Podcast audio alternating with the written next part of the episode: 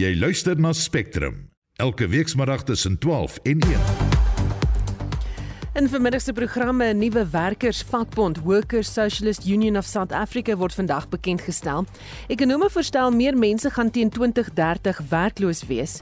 Intussen vra Cope dat werkersvakbonde moet saamwerk om toekomstige werksverliese te beperk. The country cannot afford to add more people to the unemployment crisis. En 'n nuwe wreveltendens begin onder werkers wêreldwyd posvat. Ons praat met 'n bedryfssosioloog hieroor. Welkom by Spectrum onder redaksie van John Estreisen. Die produksieregisseur is Daitrin Godfrey en ek is Susan Paxton.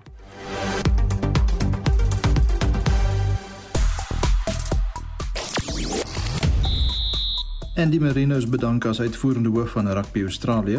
Gon Ram breek die rekord vir die meeste prysgeld in 'n enkele PGA Tour seisoen. En ons kyk na die Formule 1 en MotoGP reeks puntelede na die naweek se Grand Prix. Ek is Shaun Schuster vir RSG Sport.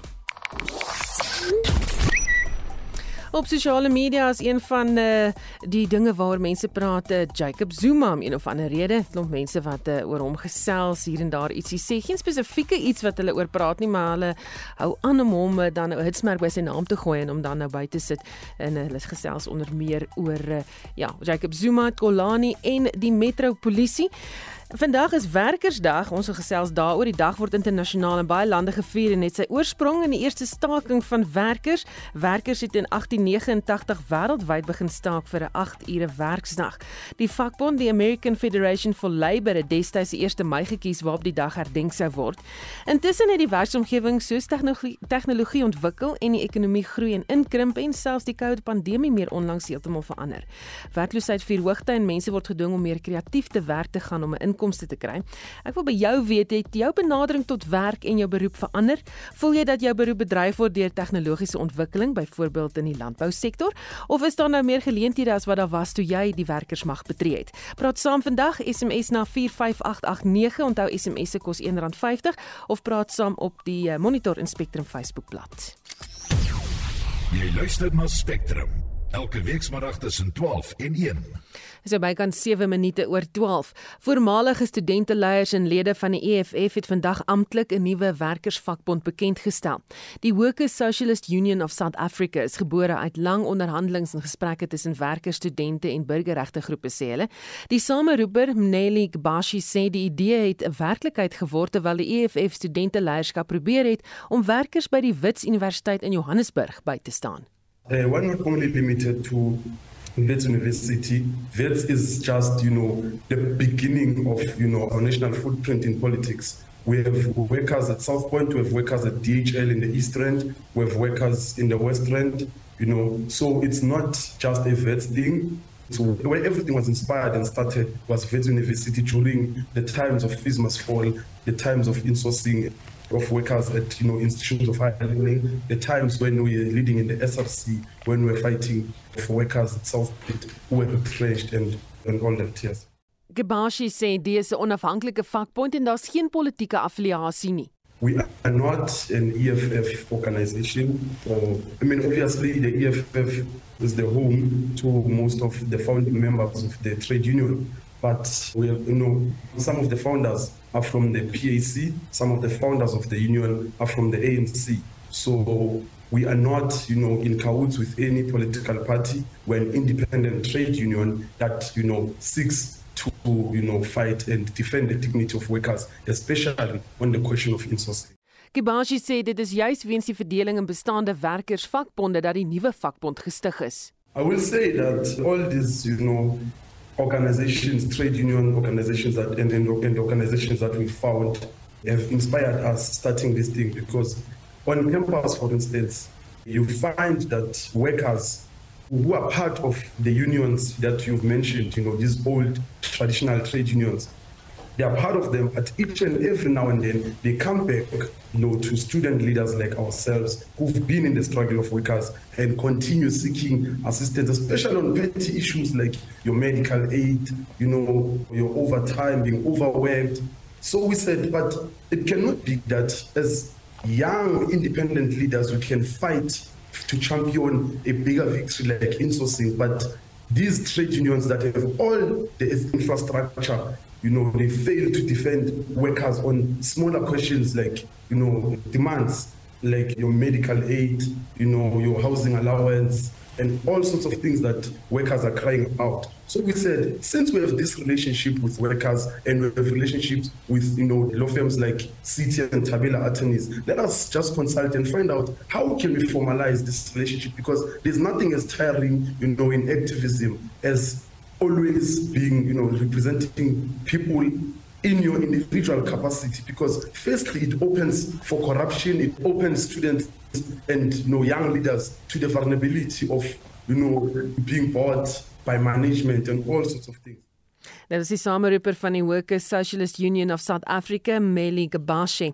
Ons praat nou verder met 'n besoekende professor aan die Wits Universiteit se Sakeskool, Janie Resou. Goeiemiddag Janie. Goeiemôre Suzanne, goeiemôre aan die luisteraars. Het die land nog 'n vakbond nodig? Suzanne, ek wat in die kapitalistiese stelsel glo, sê natuurlik altyd as iemand dink hulle wil tot 'n mark toe tree en kan beter dienste, beter omstandighede bied as die huidige mededingers in die mark, moet daar vrye toetrede tot so 'n mark wees. So ek glo in mededinging tussen vakbonde, maar die eintlike antwoord op jou vraag is nee, ons het reeds regtig baie vakbonde in Suid-Afrika. Ons het nie nog 'n vakbond nodig nie, maar soos ek sê, as ek in die kapitalistiese stelsel glo, moet daar vrye toetrede en vrye uittrede tot die mark wees. Hm. Wat is vakbonde of was vakbonde se aanvanklike rol gewees in die arbeidssektor hier? Die aanvanklike rol van vakbonde wat uh, oor uh, dekades kom was om beter werksomstandighede vir werkers te beding beter lone, natuurlik ook veiliger werksomstandighede, 'n groot fokus op werkerveiligheid. En uh, ons sien dat vakbonde nog steeds daarop fokus en uh, daar het vakbonde 'n rol te speel. Maar ongelukkig het vakbonde dikwels baie onrealistiese looneise. My indruk is dat dit juis met onrealistiese looneise is wat vakbonde hulle eie bestaan probeer regverdig en waardeur vakbondbestuur ook hulle eie salarisse probeer regverdig.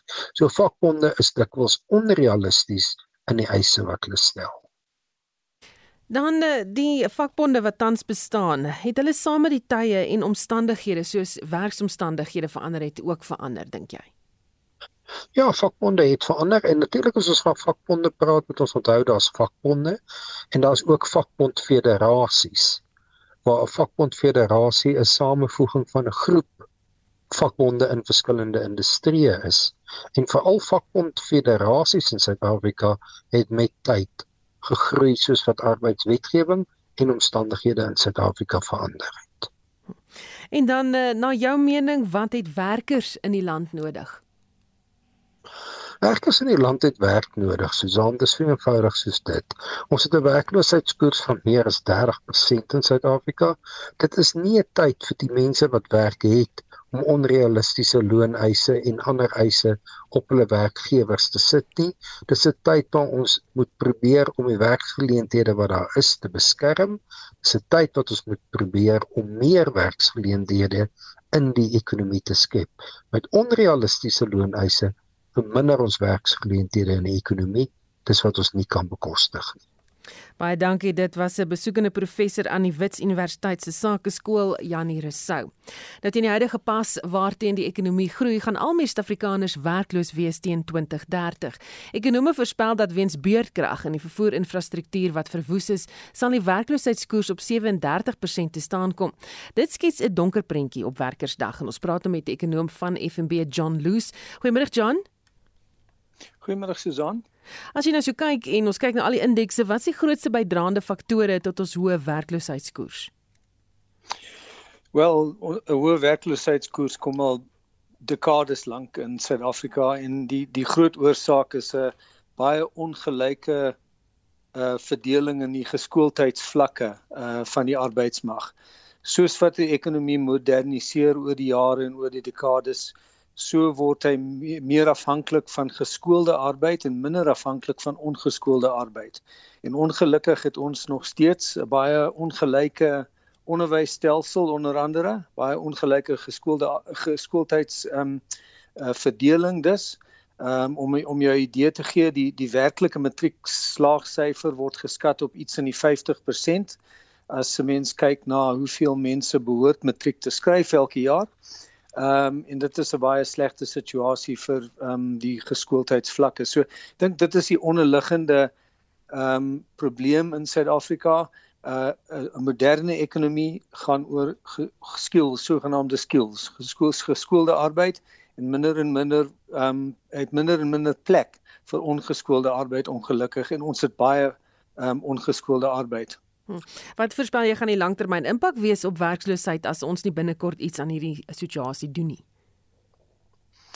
Wel ek dink ehm um, die die impak is meer van dieselfde, so te sê dit is 'n 'n 'n groot aantal mense wat nie ehm um, in diens geneem kan word in 'n moderne ekonomie en dus al hoe meer afhanklik is van die so die, al die ehm um, so welsynsuitbetalings en so aan die uh, wat wat wat betaal word daar's iets soos ek ek dink is iets so 17 miljoen mense al klaar op een of ander ehm um, welfare betaal ehm um, betaling en daai ehm um, die daai vereistes die vereiste aantal ehm um, uh, mense kan meer raak as dit nie as daar nie binnekort iets gedoen word nie. En dink jy dat sektore soos landbou wat tradisioneel baie werk skep, ehm um, ook soos tegnologie ontwikkel al minder werksgeleenthede gaan kan bied vir mense? Ek vermoed so, ek dink uh, meeste sektore is is maar so. Ehm um, nou ek moet sê daar is iets wat 'n mens kan doen om om die stygende werkloosheidssyfer teen te werk of ten minste gedeeltelik teen te werk en dit is om daarom jou ekonomie ordentlik te laat groei of dit nou landbou is of of konstruksie of of of, of waar ook al. En dit is om om om ehm um, uh ekonomiese uh, sektore wat wat wat die ekonomie strem soos die elektrisiteitssektor onder andere, maar daar's heelwat ander ehm um, uh te herstruktureer in 'n 'n goeie mededingende ehm um, model in te bring wat wat wat daai sektore beter kan laat vertoon sodat hulle nie ons ekonomie agter laat ehm um, ehm um, laat bly nie. So as 'n mens ekonomiese groei kan bevorder tot 3, 4, 5%, kan 'n mens dan heelwat meer in diensname kry. Ehm um, en en miskien dan verhoed dat die die werkloosheidsyfer heelwat hoër gaan. Maar die die probleem van ongeskoolde arbeid wat nie plek het in 'n moderne ekonomie bly 'n langtermynprobleem. Dink jy mense moet meer entrepreneurs ook dink oor werk eerder as die tradisionele denkwyse dat jy by een maatskappy moet bly en 'n goeie pensioen moet opbou en nie skuif nie? Ehm um, ja, daar daar's daar's is mense wat sê ons kort meer entrepreneure. Ehm um, en dit is miskien die geval, maar ek dink as 'n mens kyk na die entrepreneurs wat bestaan, hulle is baie goed, hulle is baie skerp, hulle kan ehm um, besighede van die grond af bring en hulle kan mense in diens neem. Die die ehm um, omgewing vir hulle is baie keer nie gunstig gunstig nie. Ehm um, die arbeidswetgewing byvoorbeeld is is moeilik in Suid-Afrika.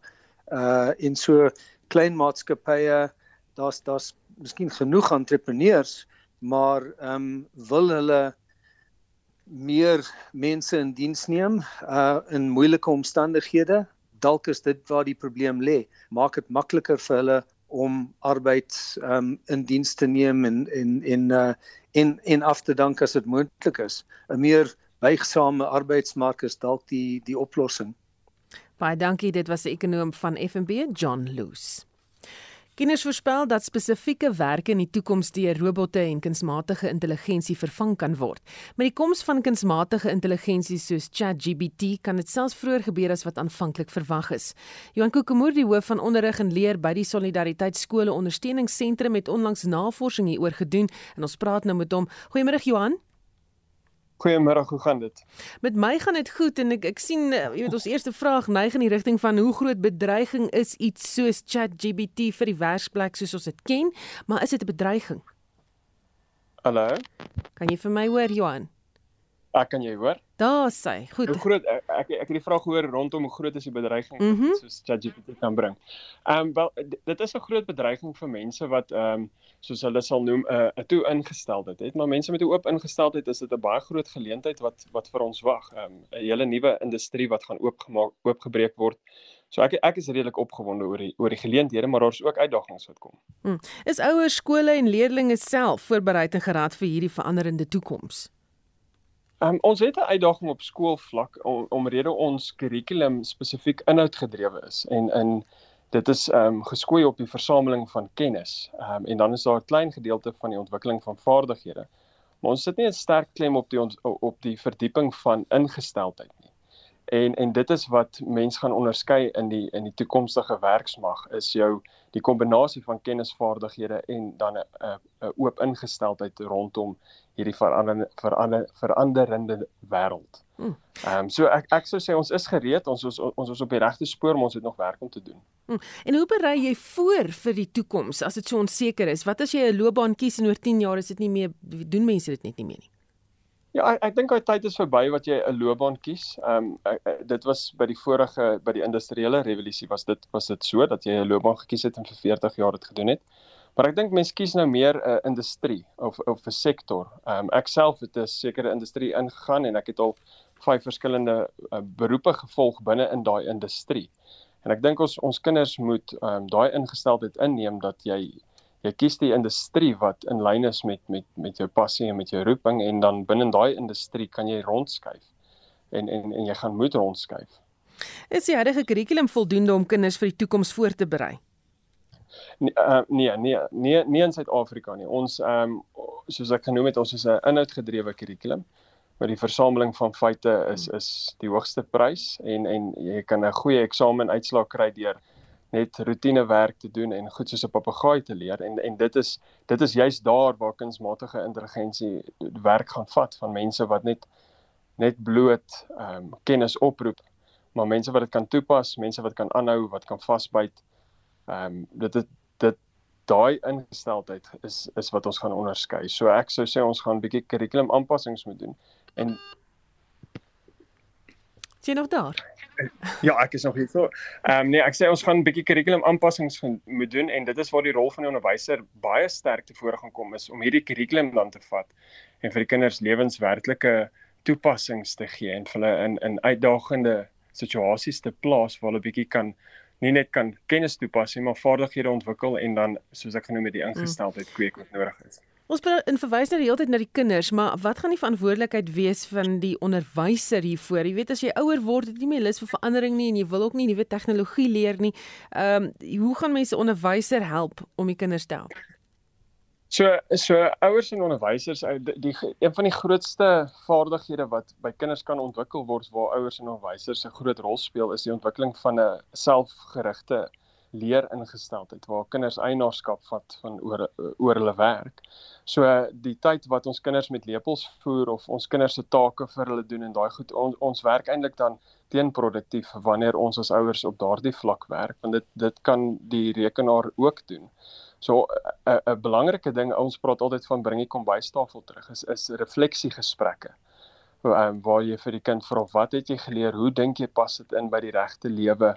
Ehm um, daai refleksie gesprekke ontwikkel metakognisie. So die kind leer dink oor sy denke. En dis 'n vaardigheid wat 'n rekenaar nie gaan hê binne die volgende paar jaar nie.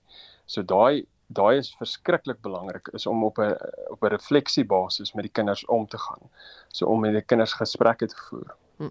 Baie dankie. Dit was Johan Kokemoor, die hoof van onderrig en leer by die Solidariteit Skole Ondersteuningsentrum. Ons fokus vandag op Werkersdag en dit is werk. Talle mense is ongelukkig met hulle werk, maar weens verskeie redes kan hulle nie poste in ander maatskappye kry nie. Daarom doen hulle minder werk en veroorsaak wrywing in die kantore wat lae moraal veroorsaak. Vir ontleding hiervan praat ons met 'n bedryfssosioloog en beraader in 'n terapeutiese praktyk, Marion Meyer. Goeiemôre Marion. Hallo daar Suzanne. Dit het so half 'n naam hierdie tendens. Hulle noem dit resentism. Uh, so half 'n wrevel wat wêreldwyd posvat vir jou werksomstandighede. Jy's net daar vir die mense, jy wil nie eintlik daar werk nie. Is Suid-Afrikaners deel hiervan? Definitief. Suzan, weet jy, dit is daar's nie 'n mooi Afrikaanse vertaling daarvoor nie. Ek dink die beste wat 'n mens kan sê is 'n tipe bitterheid. Ek hou van die woord wrevel wat jy gebruik het. Dit is 'n soort bitterheid in die werksomgewing, veral weens die gevoel dat die beloning en selfbevrediging wat uit werk geput word besig is om te kwyn. En dan word dit nou maar gesien in hoeveel mense doen. Mense voel daar word voordeel uit hulle getrek. Hulle werk hard, hulle het nou die maatskappy gehelp om deur COVID en grendeltyd te kom, maar daar is nie werklik beloning nie. En dit maak mense vies en bitter en dan begin hulle emosioneel en dan fisies onttrek van die werksplek, ja. Hoe weet jy of jy of 'n kollega hierdie wrevel toepas? Ek dink mense moet maar dit begin by by die praatjies wat jy so rondom die koffiekan of hulle praat daarvan van die water cooler chats. Wat is die tipe goed waarmee jy jouself besig hou? Jy weet in ons gedagtes is word maar gevoer na ons taal, na ons narratief, die woorde wat ons gebruik. As jy dalk voorheen bereid was om regtig 120% te gee, sak jy nou na 'n laer standaard ehm um, waar jy bereid was om dalk meer te gee as jou deel, is jy dalk nie meer lus om dit te doen nie. En dis vir jou moeilik, is vir jou moeilik om op te staan en werk toe te gaan. Dis vir jou regtig moeilik om jou beste te gee. En en bitterheid is iets wat regtig baie moeilik is om van, van ontslae te raak, veral as die mense rondom jou ook dan bitter is. En dan sien die mense nader ook meer geen uitweg nie. En dan nou aan die einde van die maand, as jy nou meer gespandeer het aan brandstof, aan miskien kragopwekking, jou geld kom nie meer so ver met die salaris, met die inkopies nie, met jou kinders se opvoeding, dan raak mens tog moedeloos en sê wat help dit alles? Jy weet amper so prediker wat sê alles kom tot niks. Hmm. So watter impak dan het mense se ongelukkigheid hierdie wrevel met hulle werk op hulle geestesgesondheid uiteindelik? Weet jy, geestesgesondheid is sedert COVID en die grendeltyd al hoe meer op die voorgrond. Ons hele wêreld het getol, gekantel en ons is dikwels ongemaklik met die verandering. As mens nou mooi daaraan dink, het ons verskriklik baie verandering ondergaan die afgelope tyd. Van tuiswerk na terug by die werk deur ehm um, moeilike verkeersknope stoei. Ehm um, wonder mens eintlik of mense nie weer moet teruggaan na uh, situasies waar mense van die huis af gewerk moet word nie. As dit jou begin vang, as jy naderhand begin voel alles raak nie te veel van jou. Uh, moet 'n mens werklik aandag skenk. Jou jou liggaam en jou wese sê vir jou dis tyd. Dit is jou jy het ongesonde hanteringsmeganismes, veral dan alkohol, maar ook verslawing aan so, selfoontyd, sosiale media, ontvlugting. Jy weet selfs te veel tyd op voor Netflix. En inkopies, dis nogal interessant. Mense spandeer baie tyd en geld in winkelsentrums op so 'n tipe dag byvoorbeeld. Spandeer geld wat hulle nie het nie, goed vir goed wat hulle nie nodig het nie, dikwels om mense te beïndruk wat hulle nie eers van hou nie. Ander faktore is mense is regtig moedeloos, angstig en depressie en swak selfbeeld as daar nie billike betaling en bevordering plaasvind nie. Maar mens wil nou nie hier net 'n donker prentjie skets nie. Ek dink ons moet dan ook kyk na die positiewe hiervan en wat 'n mens daaraan kan doen. Terwyl jy dit noem, kom ons praat daaroor wat kan mens doen want baie keer kom jy so iets teë in in hoe werk jy dit teë? Ja, absoluut. Ek dink mense moet eerstens aanvaar. Daar's twee soorte probleme in die lewe: oplosbaar en onoplosbare probleme. Dit klink dalk na 'n vereenvoudiging, maar dit is dit. En partykeer is begin dit by gaan maak 'n lysie. Wat is die goed waarin jy niks kan doen nie en wat is die goed waarin jy wel iets kan doen?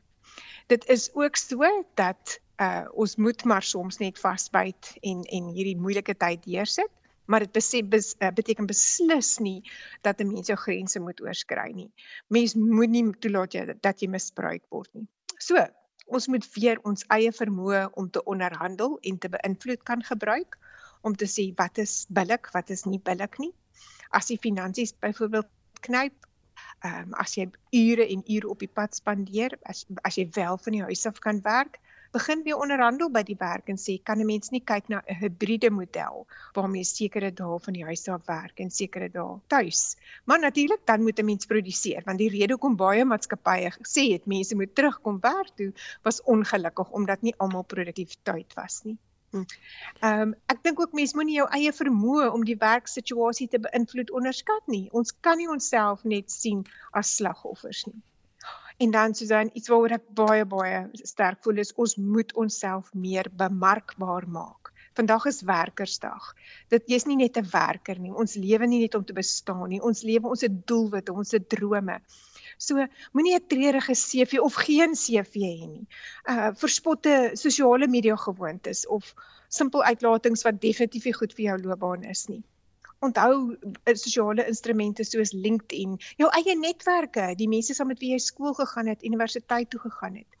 Hmm. Moet nooit nooit ophou om jou beter te kwalifiseer nie. En dit hoef nie 'n graad te wees nie. Dit kan 'n kort kursus wees of iets wat jy op die internet geleer het, 'n nuwe vaardigheid. Ja. Ehm um, en dan bied aan om ander se werk te doen. Word raak gesien en leer meer vaardighede aan, maar weer eens daai grense, onthou grense. Maar oh, sê baie dankie, baie belangrike raad daar. Bied aan, wees sigbaar maar daai grense. Dit was die bedryfssosioloog Marion Meyer en ek sien president Cyril Ramaphosa het pas aangekom by die Kusatu Werkersdagviering in Bethlehem in die Vrystaat en hopelik 'n bietjie later sal ons vir jou eh, meer bring oor wat hy daar gesê het. Spectrum, jou middagnuusprogram op RSG. So presies half 1 later in die program vra word gevra oor die opleiding wat die misdaadvoorkomingsbewaarders ontvang het om misdaad in Gauteng te bestry en 19 lande het aansoek gedoen om lidmaatskap van BRICS bly ingeskakel. Daar is geen verkeer. Op die of aan die verkeersfront eerder eh, sien ek dat steeds daardie eh, verkeersprobleem op die N12 is daar by die Elandswisselaar in Gauteng twee bane wat gesluit is as gevolg daarvan 'n vragmotor se vrag wat afgeval het. En uh, Sanay Griffiths en Nico van der Merwe het my vroeër laat weet dat daar verskeie vragmotors die pad blokkeer op die N9 in Middelburg in die Oos-Kaap. Hulle het gesê dit veroorsaak 'n groot opeenhoping. Voertuie kan deur, maar dit is 'n probleem. Dit is deel van die vragmotorbestuurderstaking wat tans in die gang is ons praat nou met die woordvoerder van die departement van vervoer in die Oos-Kaap. Unati Binkosi. Uh, good afternoon, Unati. Good afternoon to you, ma'am, and the listeners. What is the situation on the N9 at Middleburg at the moment? Well, uh, we see a conversion of trucks there, particularly the manganese carrying trucks. Uh, however, they are not blockading the road as yet. Um, they are on the yellow lane, and uh, we are monitoring the situation. But it is encouraging to see that uh, they are not violent at all, and our law enforcement officers have been strategically placed there to ensure that uh, they warn motorists should there be um, any blockade of the road. However, further up towards Coldback and Newport, we hear that um, there is an actual blockade that has taken place there. Uh, so we'd love to warn motorists to rather avoid that stretch of the road towards Newport uh, and, and, um, and and find alternative routes. But uh, down in the Eastern Cape, uh, at least cars can still pass freely along the road. And of course, we've checked around the province on the N2, the N6. There are, there's nothing major to report on those roads except for, for Middelburg. Thank you very much. Dit was Unati Binkosi, die woordvoerder van die departement van vervoer in die Oos-Kaap.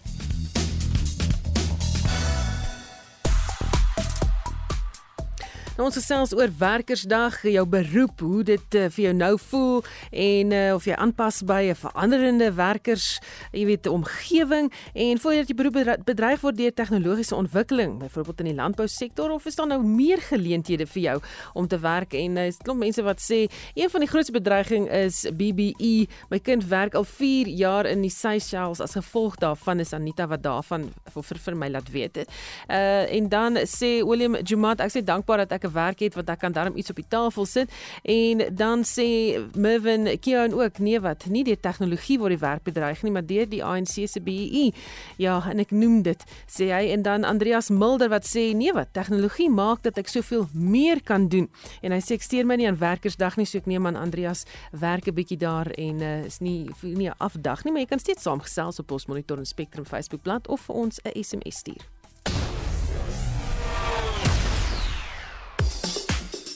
Shaun Jooste het die jongste sportnuus. In rugby nuus. Die uitvoerende hoof van Rugby Australië, Andy Marino, het sy bedanking ingedien. Die aankondiging kom 'n week nadat Rugby Australië vir die eerste keer in 4 jaar 'n profit kon wys en Marino sê sy werk is afgehandel. Marino was ook voorheen uitvoerende hoof van Sanzar. Daar word verwag dat Phil Warburton sal oorneem. In golfnuus, die wêreldnommer 1 Gon van Spanje die rekord vir die meeste prysgeld in 'n enkele PGA toerseisoen na sy tweede plek in die Mexico Ope gebreek. Ram het tot dusver 14.46 miljoen dollar vir die 2022-23 seisoen ingepalm. Die vorige rekord was net so oor die 14 miljoen dollar deur die Amerikaner Scottie Scheffler. Op die sokkerveld takel Kaizer Chiefs en Morocco Swallows mekaar vanmiddag 3 uur in die DStv Premierliga. Chiefs is vierde op 44 punte en sal graag in aanraking wil bly met Orlando Pirates, tweede op 49 en SuperSport United derde op 47 punte. In die Engelse Premierliga pak Leicester City en Everton mekaar ook vanaand 9 uur en beide sal graag uit die relegasiesone wil beweeg. Hulle is 18de en 19de onderskeidelik. Manchester City is die voorlopers op 76 punte, gevolg deur Arsenal op 75, Newcastle United op 65 en Manchester United op 63 punte. En op die cricketveld speel Lucknow Super Giants en Royal Challengers Bangalore vanmiddag 4 uur teen mekaar in die IPL reeks. Ons sluit af met die puntelere vir die Formule 1 en MotoGP reekse na die naweek se Grand Prix. Max Verstappen van Nederland in sy Red Bull is die voorloper op 93 punte met sy spanmaat Sergio Perez van Mexico tweede op 87 en Aston Martin se Fernando Alonso van Spanje derde op 60 punte. En in die MotoGP reeks is die Italianer Francesco Bagnaia op 87 sy landsgenoot Marco Bezzecchi op 65 en Suid-Afrikaanse Brad Binder op 62 punte, die top 3. Dit was Shaun Jooste van RSG Sport. Spectrum, jou middagnuusprogram op RSG. So 24 minute voor 1 Kusatu hou vandag saamtrekke in 8 provinsies om Werkersdag te vier. Die Vakbond Federasie het die dag begin met 'n kransleggingsseremonie vir 51 munisipale werkers wat in 2003 dood is toe hulle bus onderweg na 'n saamtrek in Kwakwa in die Salspoortdam naby Bethlehem beland het. Die provinsiale sekretaris Monjatsu Mthlatse het vroeër met die SAIK gepraat. We'll be honoring their lives and making sure that their memories remain with us forever. Kusatu se amptelike werkersdag saamtrek vind plaas by die skougronde in Bethlehem in die Vrystaat. One of the key issues that we will be putting across is the issue of municipalities that are not functioning properly, therefore affecting our members both as workers and as citizens. Intussen sê Saftu se hoofsekretaris, Zwelinzi Mawavi, dat die hoë werkloosheidssyfer aangespreek moet word. The unemployment is one of the biggest crises of humankind in South Africa. 42% overall unemployment rate and around 11% of workers who should be working are unemployed. Up to 70% of the young workers between the age of 15 and 24 are unemployed. Over 30 million South Africans live below the poverty line of 1,417 rands a month. Pakameli Groepi Majola van Nomsa pak die skuld hiervoor op die ANC. We share the sentiment of Abahlali Basemjondolo who have described the last two decades of ANC rule as fake freedom because the only ones who are free are the rich who are getting richer and richer whilst the working class is getting poorer and poorer. Die minister van Arbeid, Tulas Nesi, sê dat die regering oplossings soek. The reality is we are faced with a number of challenges on this day. We must be able to say what are the new challenges which are facing us. We have to deal with that and relook at our legislation how to protect those workers. Dennis Bloem van Cope vra dat vakbonde moet saamwerk om massa werksverliese te keer. For as long as the workers don't realize their power when they are united, the capitalist employers will forever exploit them and undermine their sweat. Workers must unite and speak with one voice. Worker federations must put their differences aside and unite. Workers can only stop the bloodbath of retrenchments on the shop floor when they are united. President Cyril Ramaphosa gaan binnekort Kusatu se werkersdag saamtrek in die Vrystaat toespreek in sy hoedanigheid as ANC president. Ek is Justin Kennedy vir SAK nuus.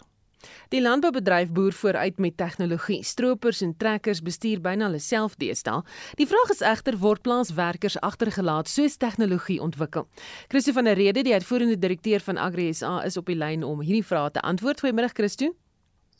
Middag Susan en middag aan al die luisteraars. So gevorderd is Suid-Afrikaanse boere wanneer dit by die slim trekkers en implemente kom.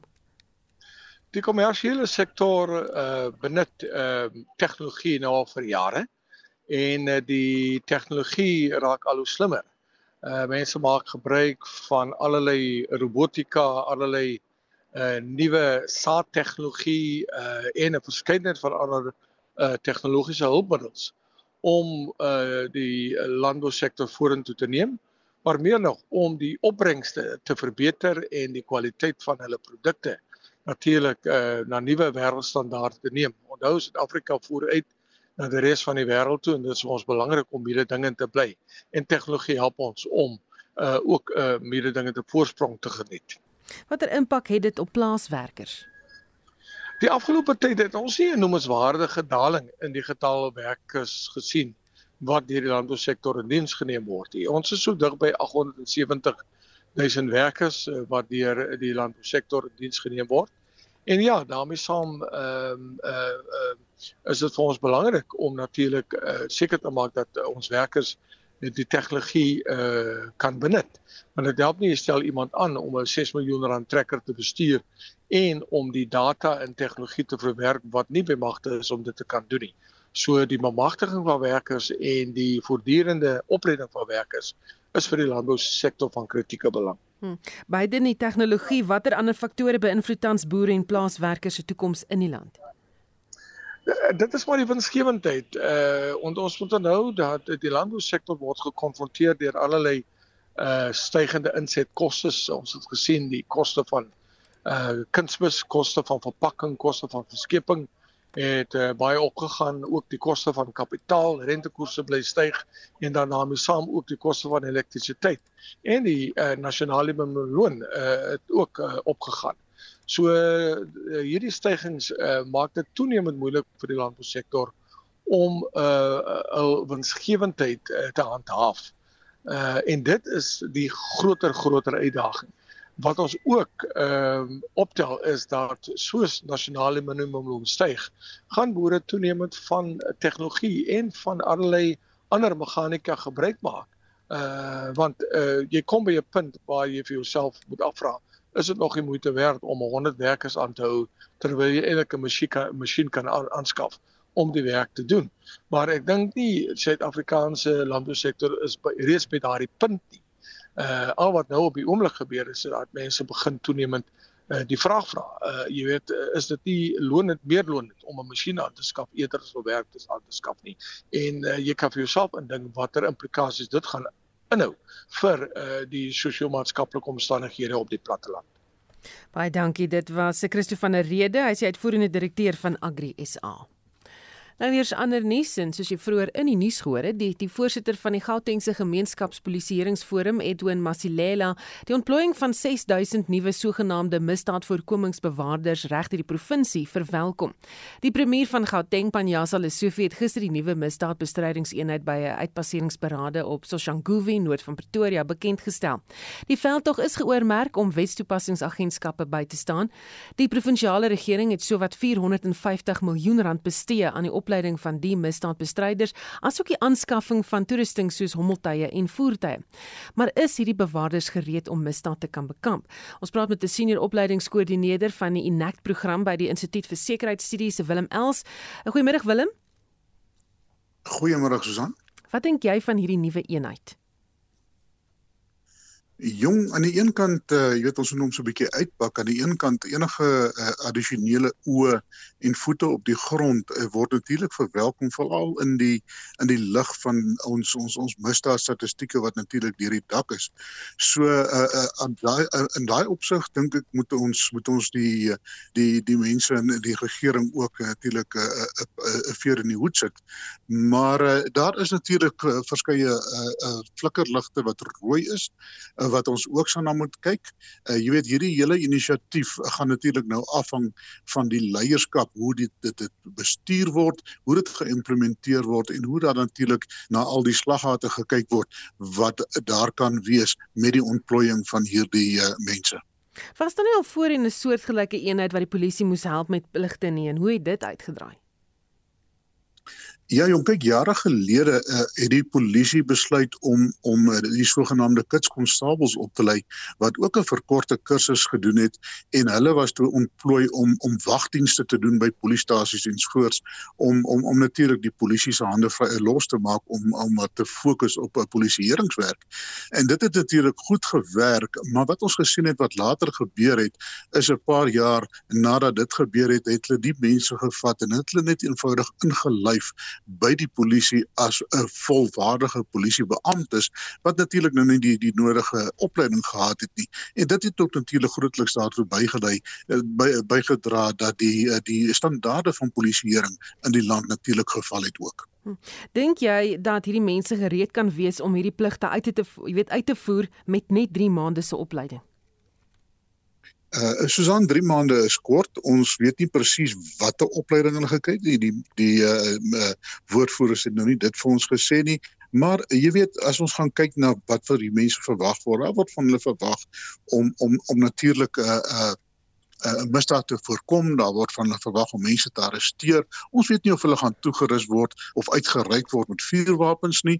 Indien hulle gaan uitgeruik word met vuurwapens, is daar natuurlik addisionele verantwoordelikheid op die uh, mense om die wapens dan verantwoordelik te gebruik en dan natuurlik binne die perke van die wet te gebruik waar daar natuurlik spesialis opleiding voor nodig is. Jy weet as jy 'n vuurwapen uitgeruik word deur 'n polisiebeampte, uh, word daar 'n uh, 'n uh, ongelooflike uh, uh, uh, druk op hom geplaas of op haar geplaas uh in die feit dat wanneer mag jy daai vuurwapen dan wettiglik gebruik? Jy weet 'n polisiebeampte moet moet baie dikwels moet hulle binne 'n paar sekondes moet hulle uh, daai besluit neem en dan natuurlik oorgaan tot aksie wat daarna natuurlik in 'n hof aan uitspeel waar dit vir jare kan vat baie keer waar 'n groep regsgeleerdes gaan besluit het hierdie persoon nou binne die wet opgetree of nie? Uh, wat natuurlik 'n baie groot druk op en op die op die uh, polisiebeamptes en of hierdie wettoepassers gaan pas en ons is net bekommerd dat sou hulle nie die nodige opleiding of voldoende opleiding gekry het vir dit nie kan dit miskien 'n 'n redelike slag wat wees in die toekoms. Hm. Wat se regtes of weet regte sal hierdie groep hê wat betref misdaadvoorkoming en as hulle byvoorbeeld iemand kan arresteer of nie? Ja, kyk eh, in terme van die van die van die wet eh, mag 'n vredesbeampte, ons weet nou of hulle vredesbeamptes of net as 'n uh, uh, uh, gaan aangestel word nie, dit is ook nie vir ons uitgespel nie, maar uh, indien 'n polisiebeampte uh, en dit sluit natuurlik jou munisipale polisiebeamptes ook as daar 'n misdryf in hulle teenwoordigheid gepleeg is, uh, dan kan hulle natuurlik dan arresteer.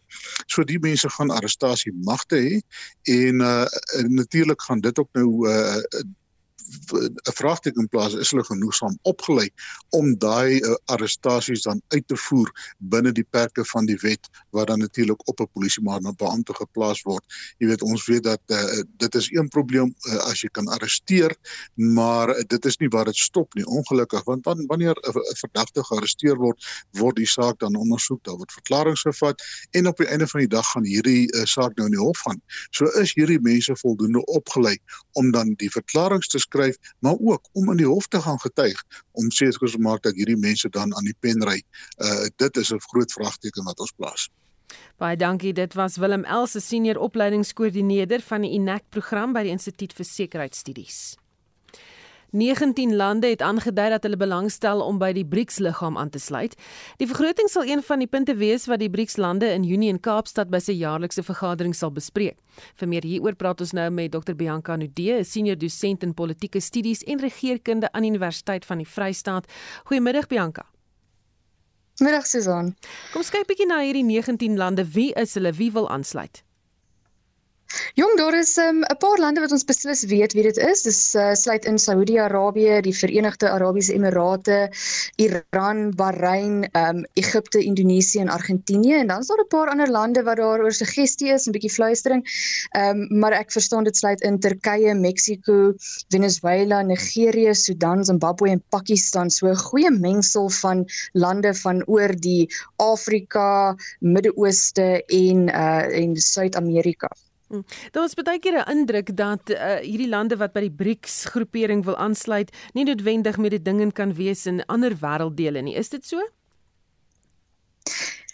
Weet jy, baie van die lande wat ek genoem het voldoen beslis nie aan internasionale of sal ons sê westerse standaarde en voorskrifte van deursigtigheid en regering goeie regeringspraktyk nie. Maar ek sal beslis nie sê dat dit lande is wat niks bydra uh, of min bydra tot die internasionale uh, politiek en ekonomie nie. Ek meen uh, Saudi-Arabië as ons kyk na Saudi-Arabië alleen uh, een van die grootste ekonomieë in die Midde-Ooste en een van die grootste ekonomieë wêreldwyd in terme van nominale BBP um, beslis 'n uh, belangrike um, mag in in sy omgewing. Bahrein ook een van die wêreld se mees gesofistikeerde vrye ekonomieë um, en een van die ekonomieë wat die vinnigste groei in die Midde-Ooste, ook 'n groot toeriste aantreklikheid um, en in 'n groot um, uh, lokpunt vir buitelandse belegging. Iran, een van die wêreld se belangrikste produsente van natuurgasse en olie wat natuurlik in die toekoms baie belangrik gaan wees. Uh, Turkye, 'n baie belangrike ehm um, uh, land in in daardie streek ook so ehm um, baie van hierdie lande is ook strategies be, uh, belangrik uh, baie belangrike strategiese bondgenote van die FSA en Europa. So ek sou sê eintlik ehm, 'n um, goeie hoeveelheid baie belangrike um, internasionale akteurs. Hmm. Is hierdie BRICS liggaam so saamgestel dat hy wel nuwe lede sal kan akkommodeer? Ek dink ehm um, in die eerste plek 19 lande is waarskynlik te veel om regtig werkbaar te wees. Ehm um, maar baie van die kandidaate sou ek dink voldoen dalk nie op die oomblik op hierdie tydstip aan die vereistes en ehm um, of het of besit regtig die gewenste profiel ehm um, vir BRICS lidmaatskap nie. Ons kan hier dink aan ekonomiese groei, politieke stabiliteit en so voorts. Dus dink ek dat ehm um, meeste van hierdie lande of baie van die lande nie op die oomblik toegelaat sou word nie, maar dit is moontlik dat hulle 'n paar sal toelaat van die groot akteurs wat ek van gepraat het nou en dan vir die res 'n lysie van van goedjies te gee wat hulle sal moet regtrek om uh op uiteindelik te voldoen aan die vereistes van BRIC lidmaatskap. Ehm um, en eintlik en laaste sal die BRICS moet kyk na hulle institusionele kapasiteit en so aan om dit te verander om hierdie vergroting um, regtig werkbaar te maak. Maar ek dink in die kort termyn uh, sal 'n klein genoeg hoeveelheid lande bly uh, toegelaat word tot die BRICS dat dit nie nou 'n probleem sou wees nie. Hoekom sou lande aan BRICS wil behoort? Weet jy, ek dink daar's 'n tweedelige antwoord. Ehm um, ek dink eerstens die BRICS bied toegang tot ontluikende markte en beleggingsgeleenthede waartoe lande dalk nie op die oomblik toegang het nie. Ehm um, BRICS maak ook uh, ongeveer 25% van globale BBP op. Ehm um, dis dis 'n sterk ekonomiese mag met 'n uh, bietjie gewig in die internasionale onderhandelinge. En dan baie belangrik, ehm um, daar's sprake van 'n nuwe BRICS geldeenheid wat dalk die dominansie van die uh, VS US dollar ehm um, sal kan teenstaan en en jy lande is juis op hierdie oomblik baie sensitief vir en uitgelewer aan rentekoersstygings en inflasie in Amerika en Europa. En ek dink dit is natuurlik 'n trekpleister, ehm um, die belofte van 'n geldeenheid wat dalk die dollar kan teenstaan. Maar ek dink, ehm um, tweedens ons moet nie die belangrikheid van status en aanvaarding in die internasionale politiek miskyk nie. Ehm um, lande wat op die buitenste rande van die internasionale politiek verkeer, verwelkom die geleentheid om deel te wees van 'n formele platform of instansie wat hulle kan laat voel of dalk die persepsie skep dat hulle 'n mate van politieke en ekonomiese mag het. En dit is natuurlik tans ehm um, wat wat meeste lande ontsê word. Hm. Is die beweging na BRICS toe die begin van 'n wêreldekonomiese skuif of 'n verdeling tussen die weste en ander? Ek dink dit kan sekerlik so gesien word en daar is menige lande insluitende Suid-Afrika uh, wat 'n onderliggende ideologiese um, teenkanting teen westerse dominansie in die BRICS sien, maar ek moet ook sê ek dink ons moet pragmaties kyk na die BRICS lidmaatskap en uh, die BRICS se invloed in wêreldpolitiek En soos ek nou so pas genoem het, baie lande is tans uitgesluit uit internasionale fora soos die G7 en die G20 en hierdie lande soek al lank na alternatiewe geleenthede vir ruilhandel, eh, befondsing vir ontwikkeling en so voort. Dit is regtig niks nuuts in die internasionale politiek nie en tot 'n sekere mate dink ek val die BRICS binne die groter raamwerk van 'n uh, streek samewerking. Maar dit gaan verseker interessant wees om te sien hoe 'n uh, vergrote BRICS lidmaatskap veral met hierdie belangrike magte wat ek genoem het vroeër. Ehm um, hoe dit die internasionale ehm um, hiërargie gaan beïnvloed en hoe dit die balans van mag internasionaal dalk ehm um, kan verander.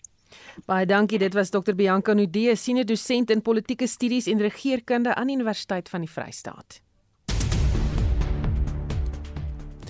Vakbonde en politieke partye vier vandag Werkersdag. Justin het die jongste nuus in die verband. Ja, vakbonde kla oor die hoë werkloosheidsyfer. Hier is wat van hulle oor die saak sê.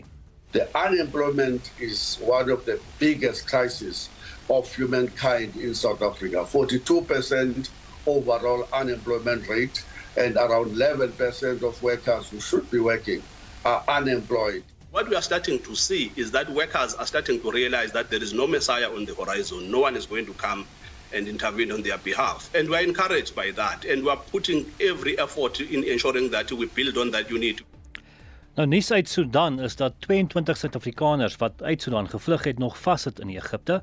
Hulle wag die afgelope 3 dae vir toestemming om terug te vlieg huis toe. Imtia Suliman van Gift of the Givers het die volgende vir ons gestuur. They went by boat from Port Sudan hired from a company called Ambry. This boat was chartered by the company that had employed the South Africans for a project that started in September last year in Port Sudan. Unfortunately, they've had to postpone the flight for the last two to three days. We are busy forwarding this information to DERCO and the JIC Committee, Joint Emergency Evacuation Committee, to resolve the issue, get the documents sorted out, and get these poor people onto the flight so they can get back home as soon as possible. En ander nuus, Justin, die Kamerits prysgeld vir vanjaar is byna verdubbel. Is dit te laat om nou te begin oefen? Nee. maar ja, die Kamerits vereniging verhoog die prysgeld na 4,3 miljoen rand, baie hoër as verlede jaar se 2,2 miljoen rand. Nou beide die mans en vroue wenners se prysgeld verdubbel en sou die wenners 'n rekord breek sal hulle vanjaar nog 'n half miljoen rand huis toe neem. Nou verlede jaar was die prysgeld 260 000 rand wat nogal 'n debat veroorsaak het en die wetopdirekteur Robin James sê die prysgeld sal ook elite hardlopers van reg oor die wêreld lok.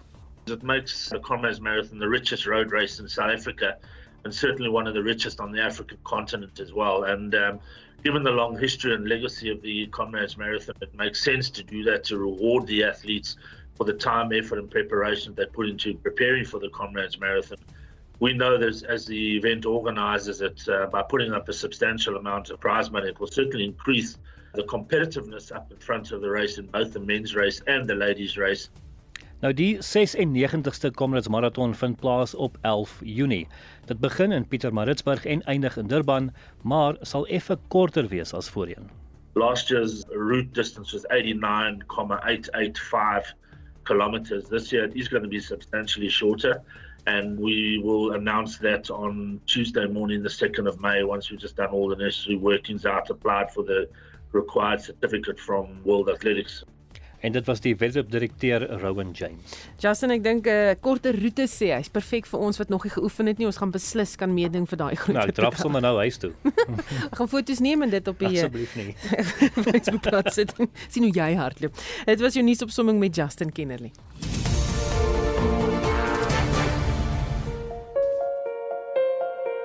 Brandpunt. Die gemeenskappe van Whiteville in Soweto vrees dat nog kinders geteken kan word 'n dokter in Khartoum het vroeër vandag gesê dat 55 van die stad se hospitale nou heeltemal gesluit is juis omdat sommige van hierdie militêre groepe die hospitale geteken het. Partykeer is dit 'n beskermings tipe afpersing, soos in Engels praat van extortion racket. Brandpunt. 'n Fokus op al die nuusgebeure van die dag. Weksmiddag tussen kwart voor 6 en 6 uur op RSG. Nou ja, ek sien die N3 tolkonssessie het laat weet dat daar nou meer as 2000 voertuie per uur op die N3 tolpad ry en hulle sê dit kan dat die verkeer nou baie stadig laat beweeg veral daardeur van reën en spas. Hulle waarsku daarteen en sê weet hou man, wees maar geduldig daar op die pad en stop gereeld. Ehm um, sê Tanya Dugra van die N3 tolkonssessie sê stop gereeld, strek jou bene en dan gaan jy uh, meer uitgerus wees en vars wees as jy dan weer op die pad gaan. Uh, jy gaan dit nodig hê omdat dit so baie besig is. Onthou vorige uitsendings van ons nuusaktualiteitsprogramme is as 'n potgooi op rsg.co.za beskikbaar is beskikbaar gaan luister gerus daar. Ons het namens ons uitvoerende regisseur Nicoline de Wet, die redakteur John Estreisen en die produksieregisseur Daitrin Godfrey. My naam is Susan Paxton bly ingeskakel vir 360.